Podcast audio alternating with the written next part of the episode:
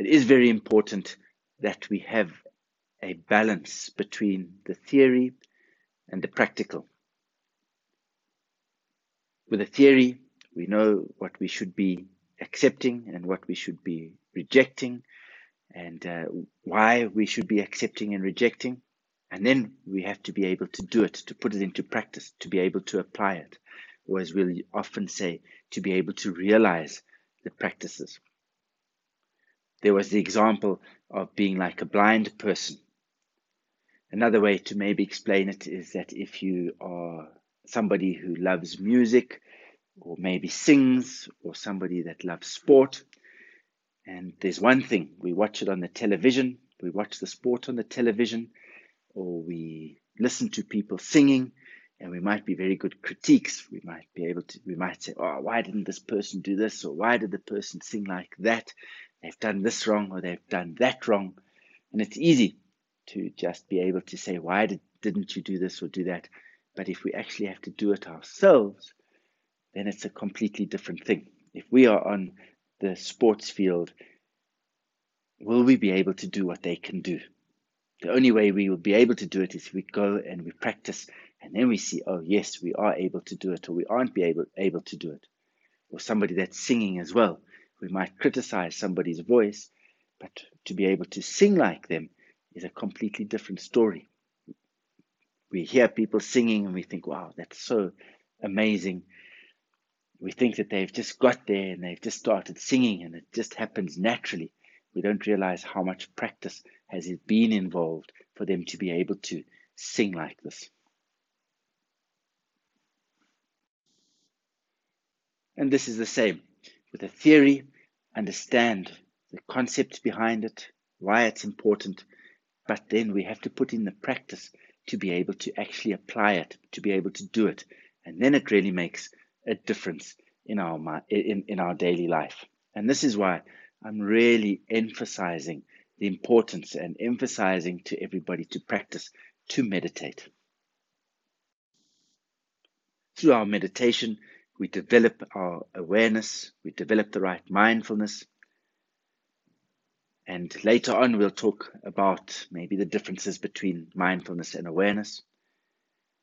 With a meditation, our mind becomes much clearer, we have much more concentration, our mind is calmer, more tranquil. And when it is like this, it's much easier to see what is arising in our mind, and it's much easier for us to train this crazy monkey mind of ours. In the beginning, our monkey mind is rather wild. It's very difficult to train. And when our mind is full of all of these thoughts, all of these worries, and these anxieties,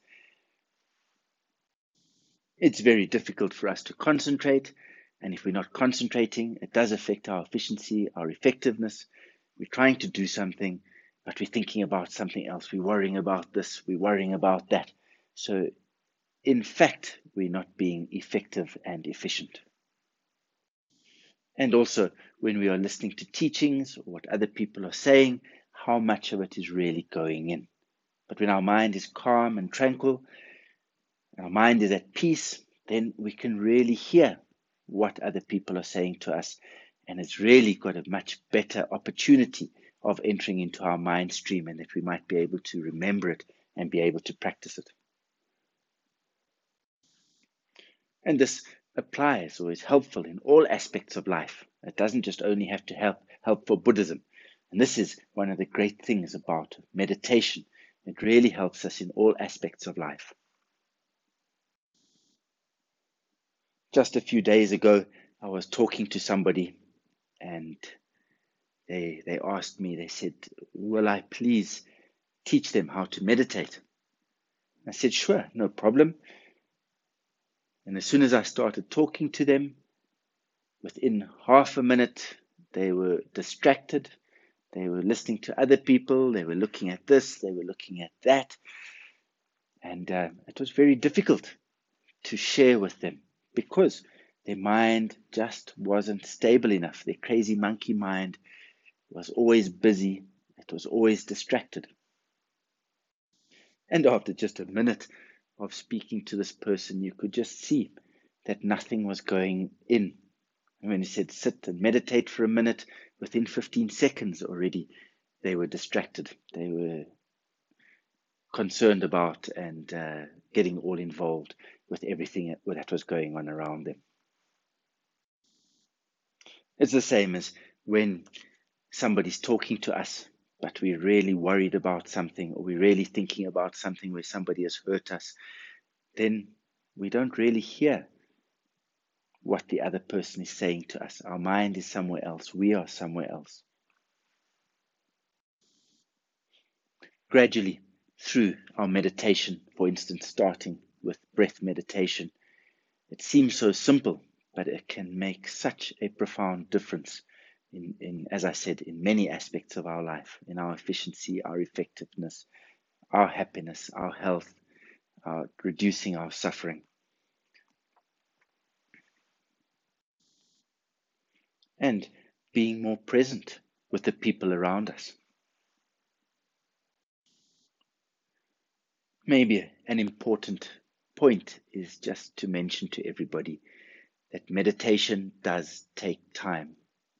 It's not something that is a quick fix. It's not uh, that in a week suddenly everything's going to be resolved. It really is something that we need to practice over a long period of time. And then after a few months, you start to feel a difference. You see the difference. And then after a year, there's even a greater difference. And so we progress. So don't be too hasty to see instant results. And this is because we have been so used to our letting our monkey mind, our crazy monkey mind, do what it wants for many, many years, for many, many lifetimes. And so it is going to take time for us to transform our mind and to be able to master our mind.